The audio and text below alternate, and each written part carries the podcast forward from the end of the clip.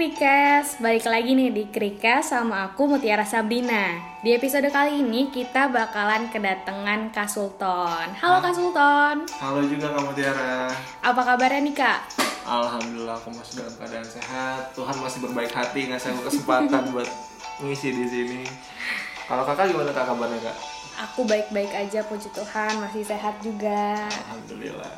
Kak Sultan akhir-akhir ini lagi sibuk apa nih Kak? Em, kalau aku paling karena aku masih usia mahasiswa, jadi aku paling sibuk di kuliahan sih sama kerjaan-kerjaan kuliah. Mungkin aku juga kerja di luar sambil apa ya ngisi-ngisi duit jajan kali ya. Ih, keren banget nggak tuh? Nah, kalau kakak kesibukan apa nih kak? Eh, aku sama sih masih sibuk-sibuk kuliah sama akhir-akhir ini direpotin sama magang sama Oh, organisasi dong. lah ya ngisi waktu Hmm, sama-sama ada kegiatan juga bener-bener kalau Kak Sultan itu kan tadi kakak bilang kakak kuliah sama kerja itu Iya. dua-duanya dilakuin di rumah kah atau gimana? Em, aku kalau kerjaan itu ada sebagian kerjaan yang harus mengharuskan aku untuk keluar. Jadi kalau di dihitung-hitung persentasenya mungkin 70 banding 30. Aku 70% itu aku di rumah, 30% aku harus eh, apa ya? Bukan dipaksa keluar sih, emang mengharuskan aku untuk keluar Iya. gitu. Terus Kak Sultan yang tadi 70% yang di rumah itu ngerasa nggak sih Kak kalau di rumah tuh bosen gitu? Eh, Terlebih di masa pandemi ini kan. Iya. Kalau aku nganggapnya nggak terlalu membosankan karena aku sempat keluar-keluar juga sih. Tapi kalau misalnya aku ditanya bosan atau enggak, pasti ada fase bosannya. Karena kerjaan yang aku lakukan di rumah pun itu kerjaan yang membosankan. Jadi ketika aku harus ngelakuin itu di rumah, gitu ditambah lagi aku punya kerjaan kuliah, tentunya aku harus eh, duduk, harus mandangin laptop gitu. Kadang harus apa ngetik-ngetik, nyatet-nyatet kan. Jenuh juga ya Kak. Pasti jenuh. apalagi ditambah sama suasana rumah yang mungkin kurang kondusif lah ya Iya, kadang tuh rame banget dan Bener, bisa bener. serius tuh cuman waktu-waktu tertentu doang bisa Iya. seriusnya. emang kakak kerjanya apa sih kak kalau boleh tahu nih Kalau aku sekarang eh, tergabung dalam salah satu tim wedding organizer. Kalau kerjaannya mungkin mengharuskan aku keluar karena yang kita tahu kan wedding organizer emang harus hari hanya datang gitu ya kayak mengorganisir keberlangsungan satu acara gitu. Jadi itu 30% yang aku sebutkan tadi ketika aku harus keluar. Nah, 70% nya itu ditambah dengan kerjaan-kerjaan kuliah, aku harus ngerekap ngerekap apa ya laporan gitu, rekening masuk keluar gitu juga. iya iya Gitu sih kerjaan aku. Emangnya kakak nggak keganggu tuh antara kuliah sama kerja? Emangnya kakak semester berapa sih? Kalau aku sekarang masih nyelesain semester 4 Nanti kalau misalnya aku lulus masuk semester 5 Apakah nanya aku keganggu atau enggak? Eh, Sejauh ini sih aku masih bisa ngejalanin dua-duanya. Keganggu sih mungkin ada beberapa waktu aku keganggu. Terutama tuh ketika aku bentrok jadwalnya tuh. Aku merasa terbebani banget misalnya. Contoh nih aku lagi uas Terus aku harus ngambil job gitu ya kebutuhan aku juga sebenarnya aku pengennya tuh ah kuliah ntar dulu deh aku pengen ngambil job dulu gitu tapi kan kuliah harus dilakuin juga nah itu tuh Iya. fase-fase kayak gitu tuh yang harus apa ya harus pinter-pinter lah Bagi dibagi waktu. waktunya betul jadi kalau tahun ini ma- masuk ke semester 5 berarti sekitar satu setengah tahun lagi lah lulus ya kak iya semoga aja dalam waktu satu setengah tahun aku bisa lulus cepat Iya, untuk Amin, rencana ke depannya nih kak, Mm-mm. udah ada rencana belum sih mau ngapain atau kerja di mana atau bikin bisnis? Oh, aku sebenarnya terlepas dari kerjaan aku yang sekarang, aku pengen ngejalanin bisnis loh kak pas aku lulus nanti. Soalnya aku ngebayanginnya tuh eh, lebih menyenangkan aja. Bener bener bener bener. Kira-kira apa tuh bisnisnya? Eh, bisnisnya aku pengen bikin apa ya sebutannya itu co-working space gitu. Oh iya iya iya, Oh. nggak asing lagi nggak sih sama coworking space sekarang? Iya kalau untuk sekarang sih mungkin makin banyak startup startup, makin apa ya banyak orang yang membutuhkan tempat untuk menyelesaikan pekerjaannya. Nah situ tuh aku pengen bikin bisnis yang kayak gitu Iya, berarti coworking space itu tempat buat kerja bareng gitu ya dari orang-orang dari perusahaan lain buat kerja bareng di satu tempat yang sama. Iya, ibaratnya kayak penyewaan tempat lah ya, penyewaan tempat di mana orang-orang bisa nyewa tempat kita, nanti kita sediain fasilitas, mereka bisa nikmatin dan di situ biasanya orang-orang tuh ngerjain pekerjaan kantor atau mungkin mahasiswa ada juga yang ngerjain kerjaan kuliahannya di situ. Berarti untuk targetnya sendiri mahasiswa sama orang-orang kantoran ya kak? Iya, dan kebetulan bukan cuman mereka mereka doang sih, nanti misal itu kan bukan cuman buat kerja doang, Iya. kita bisa nyewain itu misalnya buat small event misalnya birthday party gitu bisa juga di sana Kok kakak bisa kepikiran sih untuk bikin bisnis kayak gini? Pasti ada latar belakang atau tujuannya dong. kalau ditanya kenapa kepikiran? Aku tuh berkaca sama pengalaman aku sendiri nih. Kan kenapa aku kepikiran? Aku ngerasanya kalau aku di rumah aku ngerjain sesuatu kadang ada aja gitu yang distract kadang kakak aku karena aku punya kakak nih di kakak aku kadang rewel gitu. Terus eh, kadang aku harus ngelakuin ini ngelakuin itu padahal aku lagi sibuk kerja juga. Jadi bukan aku mau menghindar dari rumah tapi aku pengen serius dulu untuk beberapa saat biar kerjaan aku kelar dulu tapi jarang bisa aku temuin di rumah makanya aku tuh kepikiran wah ini kayaknya banyak orang juga nih yang ngerasain hal yang sama kayak aku nih jadinya aku pengen orang-orang yang ngerasain hal itu bisa aku bantu ketika aku mulai menjalankan bisnis aku nanti itu Nah kalau tadi kan Kak Sultan nyebutinnya berdasarkan pengalaman pribadi nih. Iya. Kalau untuk benefitnya kepada calon pengguna coworking space kakak ini apa sih? Eh, benefitnya mungkin yang aku bayangkan mereka bakal dapat suasana baru mereka bakal ketemu orang-orang baru. Mereka bisa juga belajar dari eh, orang-orang lain. Anggap aja gini ketika aku dari korporasi kecil ketemu satu tempat dengan korporasi besar. Nah apa yang korporasi besar ini lakukan bisa aku tiru sehingga level aku tuh bisa mengikuti apa yang udah dilakuin sama korporasi itu gitu loh aku bisa ibaratnya uh, sharing ilmu gitu loh Hmm, Iya iya benar-benar. Jadi bisa berdampak juga untuk pengguna-penggunanya ya, biar bisa Iya. bersosialisasi bareng orang-orang lain dari korporasi lain gitu kan. Nah, terus nih kak, apa sih yang bakalan bikin orang-orang tuh pada mau datang ke coworking space kakak? Emang kira-kira fasilitasnya tuh apa sih kak? Em, aku bayanginnya gini kalau misalnya sekarang coworking space itu menyediakan kayak eh, free wifi terus eh, work office yang udah di apa disusun sedemikian sedemikian rupa jadi mungkin yang bakal aku sediakan itu di bagian hiburan ya misalnya aku bakal nyediain fun room ketika coworking space yang udah kita kenal selamanya itu mereka menyediakan apa ya hiburan itu kayak misalnya meja pingpong atau apa sih eh, bola yang pakai gagang itu iya tuh iya iya. nah itu tuh yang kayak bentuk kemeja Mm, Terus Nah. digerakin sama dua orang gitu Iya, ya, eh, permainan dua orang. pakai tangan gitu. Nah, kayak sebatas itu aku pengen fun roomnya itu yang bisa diakses sama membernya itu eh, ada Xbox di dalamnya, ada PlayStation di dalamnya, ada card game, ada board game.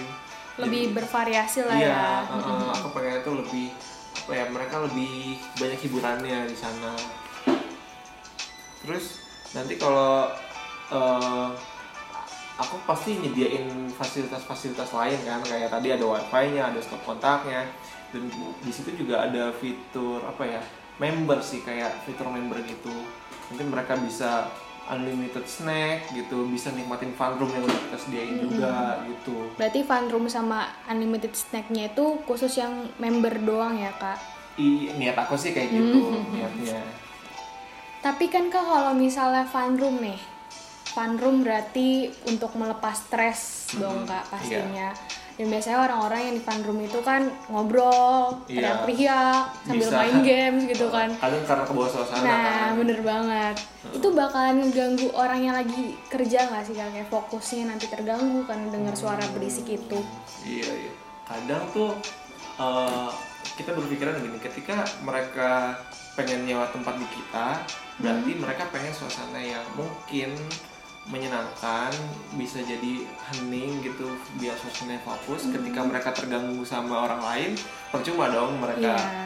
nyewa tempat kita sama-sama aja Mm-mm. kalau gitu aku menyediakannya tuh eh, berbentuk studio jadi kedap suara itu sih yang dibayangkan aku jadi mereka tuh dalam satu ruangan yang kedap suara mereka bisa melakukan hal-hal yang membuat mereka senang di dalam jadi Hmm. Orang luar tuh nggak keganggu dengan apa yang mereka lakukan di dalam Hmm, keren keren.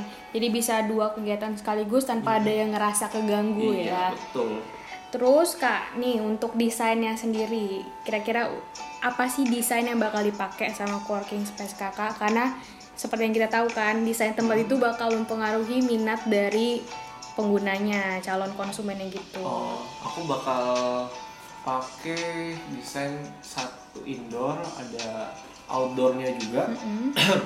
Jadi nanti di indoornya itu aku bakal oh gitu. Kenapa aku bikin fasilitas indoor sama outdoor?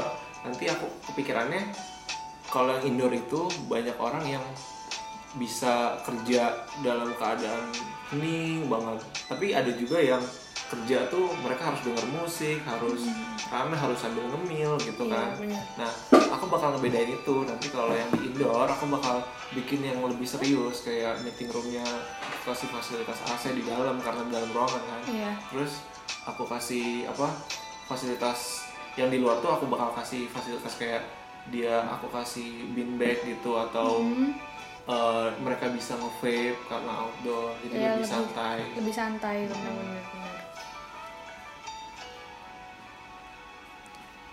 Terus nih kak, untuk lokasinya sendiri udah nentuin belum sih bakal di mana? kalau kalau aku bisa milih lokasi nih aku seandainya aku punya modal yang besar aku bisa milih lokasi di mana pun aku pengen aku sih pengennya eh, di lokasi urban area di mana banyak area perkantoran di sana terus eh, bisa diakses dengan mudah pakai MRT bisa terus eh, Transjakarta bisa stasiun kereta bisa terus pakai motor juga bisa. Aksesibel ya. ya accessible. Jadi eh, nggak terlalu repot lah kalau mau ke sana. Terus di situ tuh areanya ada tamannya gitu. Terus eh, deket sama daerah mall jadi kalau mau apa-apa juga gampang gitu loh Berarti itu di sih urban area yang aksesibel sama yang strategis gitu ya kak. iya itu kalau aku dikasih kesempatan buat milih aku bakal milih tempat kayak kayak gitu Tapi kalau tempatnya di tempat yang disebutkan tadi bakalan segimana sih kisaran harganya? Apalagi kan targetnya juga mencakup mahasiswa ya. Oh. Bakalan segimana sih harganya itu? aku kebayangnya kalau nentuin harga paling itu pasti bakal ada pesaingnya kan pesaingnya. Jadi kalau dari segi pesaing pasti kita nggak bisa naruh harga tinggi tinggi walaupun kita ngasih kualitas bagus tapi kalau harga kita kelewat tinggi mereka bakal milih ke apa ya kompetitor kita. Jadi pasti ada perang harga kita bakal seimbangin sama harga-harga pasaran. Paling dari range 100 sampai 200 ribu per kepala per harinya Hmm, per itu sewanya. Terus kalau untuk per bulannya itu aku mungkin kepikiran 2 juta sampai 3 juta per kepala per bulannya Bulan.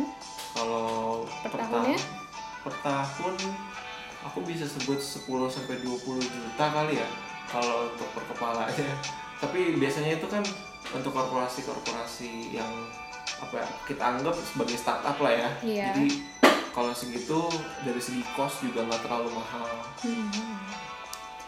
Terus nih kak, kan tadi kakak sempat mention tentang member nih. oh iya Gimana sih kak caranya supaya nantinya orang-orang tuh bisa jadi member di coworking space kakak?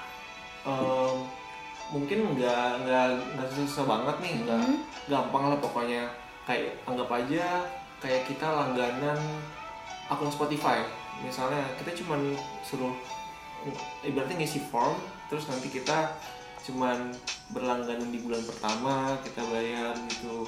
Dan nanti ketika kita udah dapat full access nih kayak anggapannya dapat akun premium nih Hmm. kita dapat eh, label sebagai member kita bisa nikmatin full access di coworking space-nya ini. Nanti dapat fun room-nya full full access terus kita juga full service di apa di area-area sana juga gitu gampang ya jadinya buat jadi member nantinya. Iya sebisa mungkin dibuat gampang biar orang tuh banyak yang tertarik gitu. Hmm, bener bener. Terus kalau misalnya aku sih mikirnya nggak pengen orang lain itu sekali datang terus langsung nggak datang datang lagi gitu. Nah aku masih bingung tapi itu gimana caranya aku pengen ngesustain orang-orang ini biar sekali datang mereka bakal datang lagi bakal datang lagi. Nah kalau misalnya aku cuman kepikiran aku ngasih fasilitas member ketika mereka udah dapat full akses di situ mereka udah ngerasa nyaman bakal datang lagi dan bahkan ngundang temen-temennya datang gitu kan. Eh ini gue dapet tempat bagus nih di sini nih gitu. Suasananya nyaman gitu. Harganya murah accessible gitu. Jadi ketika aku nawarin hal kayak gitu berusaha biar mereka tuh tetap apa ya tetap masuk lah ke tempat aku. Hmm gitu ya kak. Iya. Kan tadi udah disebutin nih dari latar belakangnya dari tujuannya udah udah kayak mateng banget. Iya. Aku emang ngawangnya tuh ke mana-mana jadi kayak detail banget iya udah gitu. plannya udah mantep banget nih Heeh. kak. Nah untuk namanya sendiri kalau dikasih satu kesempatan untuk milih nama udah ada belum sih inspirasi buat nama coworking space ini Eh, aku bakal namanya aku sempat kepikiran sih karena aku kan suka apa ya ibaratnya berhayal gitu kan punya bisnis sendiri gitu punya nama perusahaan aku pernah kepikiran namanya tuh Save Our Space Widih nanti disingkat jadi SOS gitu. SOS. Kalau menurut aku sih ini keren ya. kalau menurut aku keren. Jadi SOS ini kalau di orang-orang luar tuh nganggapnya eh, kayak sebagai simbol darurat atau butuh bantuan. Benar. Nah, aku pengennya ketika orang yang darurat dengan suasana baru, pengen apa ya, pengen ngerasain melakukan pekerjaannya dengan menenang apa menyenangkan dan tenang gitu aku di situ sebagai penyelamat mereka gitu aku datang aku nyediain tempat aku eh mereka datang aku nyediain tempat jadinya mereka dapat suasana yang menyenangkan aku juga dari segi bisnis aku dapat keuntungan gitu. Namanya bagus nggak? Bagus banget. Penyelamat banget nggak tuh save our space wah asik banget sih kak ngomongin rencana bisnis coworking space kayak gini. Aku juga ngebayangin asik banget ngebayanginnya. Ngebayangin doang tapi nggak kerasa kak kita udah di penghujung acara nih. Hmm, iya. makasih banyak ya kak Sultan untuk kesediaan waktunya di sela-sela kuliah sama kerja untuk mampir di episode Krikas kali ini. Aku juga makasih banget aku udah diundang udah ditanya-tanya. Aku senang banget ditanya-tanya gitu walaupun aku cuma bisa ngehayal doang.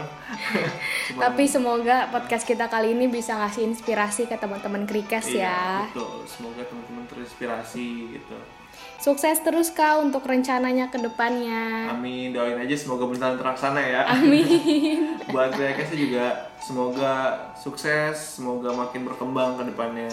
Makasih banyak. Iya dadah semua ya teman-teman Krikas. Terima kasih